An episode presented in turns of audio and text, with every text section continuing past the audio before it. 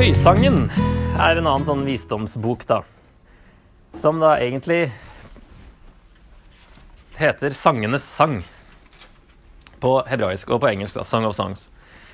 Eh, så det er liksom sangen over alle sanger. Det er samme uttrykk som kongenes konge og det aller helligste. Det heter jo også The Holy of Holies på engelsk. Så det er en sånn hebraisk uttrykksform da, med dette er liksom den høye sangen. Sangenes sang. Eh, er denne skrevet av Salomo? Det er et spørsmål. Eller er det sånn i Salomos visdomstradisjon? Eh, hovedpersonene er to gjetere. En gjeter og en gjeterjente. Og de er jo forlova. Um, her står det jo 'av Salomo', tror jeg. Men det trenger faktisk ikke å bety at han er forfatter, ut fra hvordan uh, den hebraiske uh, preposisjonen brukes. Men det står ja, sangenes Her står det faktisk 'sangenes sang' ja, i første verset. Av Salomo.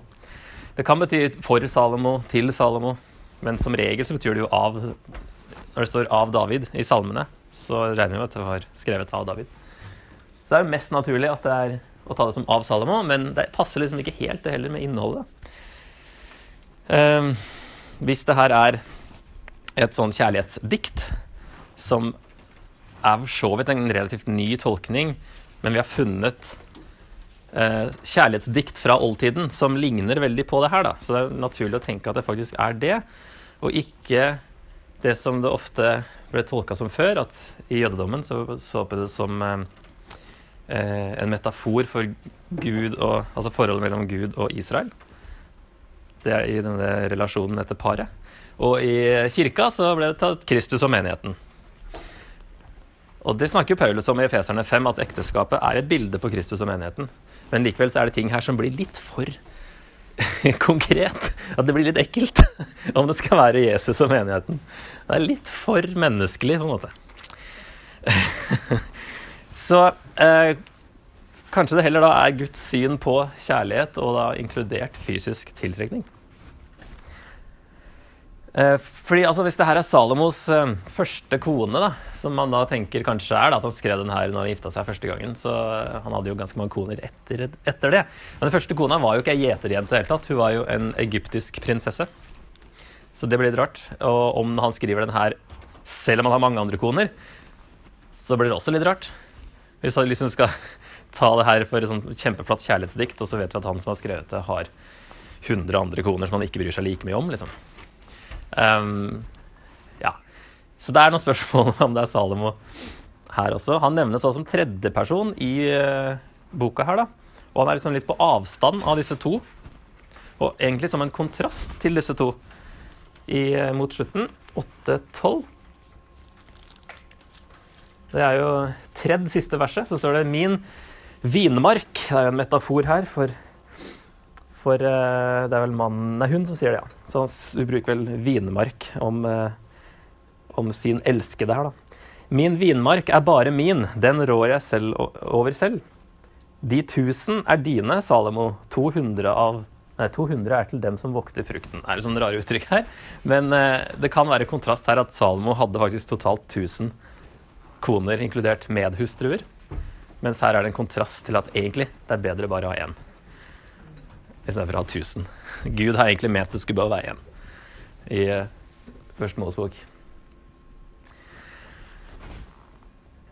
Det er liksom fram og tilbake. Det er ikke noe tydelig historie. Det er kanskje mer en sang da, enn en sånn uh, uh, progresjon. Så det er litt sånn Det står overskrifter her. Han, hun og koret. Så det er litt sånn De leter etter hverandre mye. De er alltid borte, liksom. Hvor er du?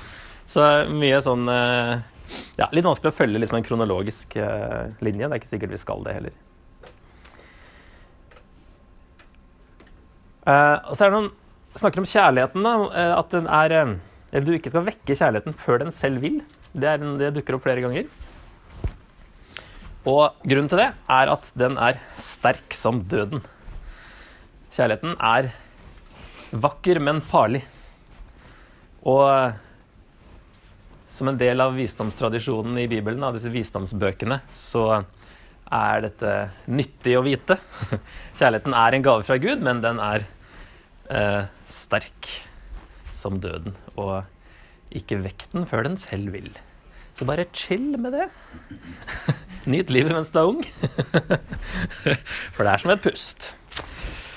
Eh, og så er det jo masse bilder som brukes her, og her er det viktig at vi ikke tar Bibelen bokstavelig.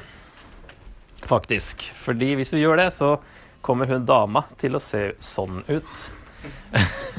Det er masse bilder for skjønnhet, som vi da, hvis vi tenker det bokstavelig, så er det ikke så veldig fint. Eh, så et par eh, eksempler på at jeg har prøvd å beskrive det bokstavelig. da. Davidstårnet er nakken hennes. ikke sant? Og jeg husker ikke hva tenna var, men hun har i hvert fall noe duer inni øyet. er det det? Masse sauer i håret. Det drypper honning fra tunga. Ja, det er veldig mye her som det er bilder, ikke bokstavelig. Jesus eh, i høysangen blir jo da eh, Nærmest vi kommer, kanskje, da, er at ekteskapet er et bilde på, på Jesus og menigheten, men ikke dermed sagt at det her er en metafor for Jesus og menigheten. Men at det, eh, det er noe som skal speile, speile den relasjonen som vi har med Jesus her.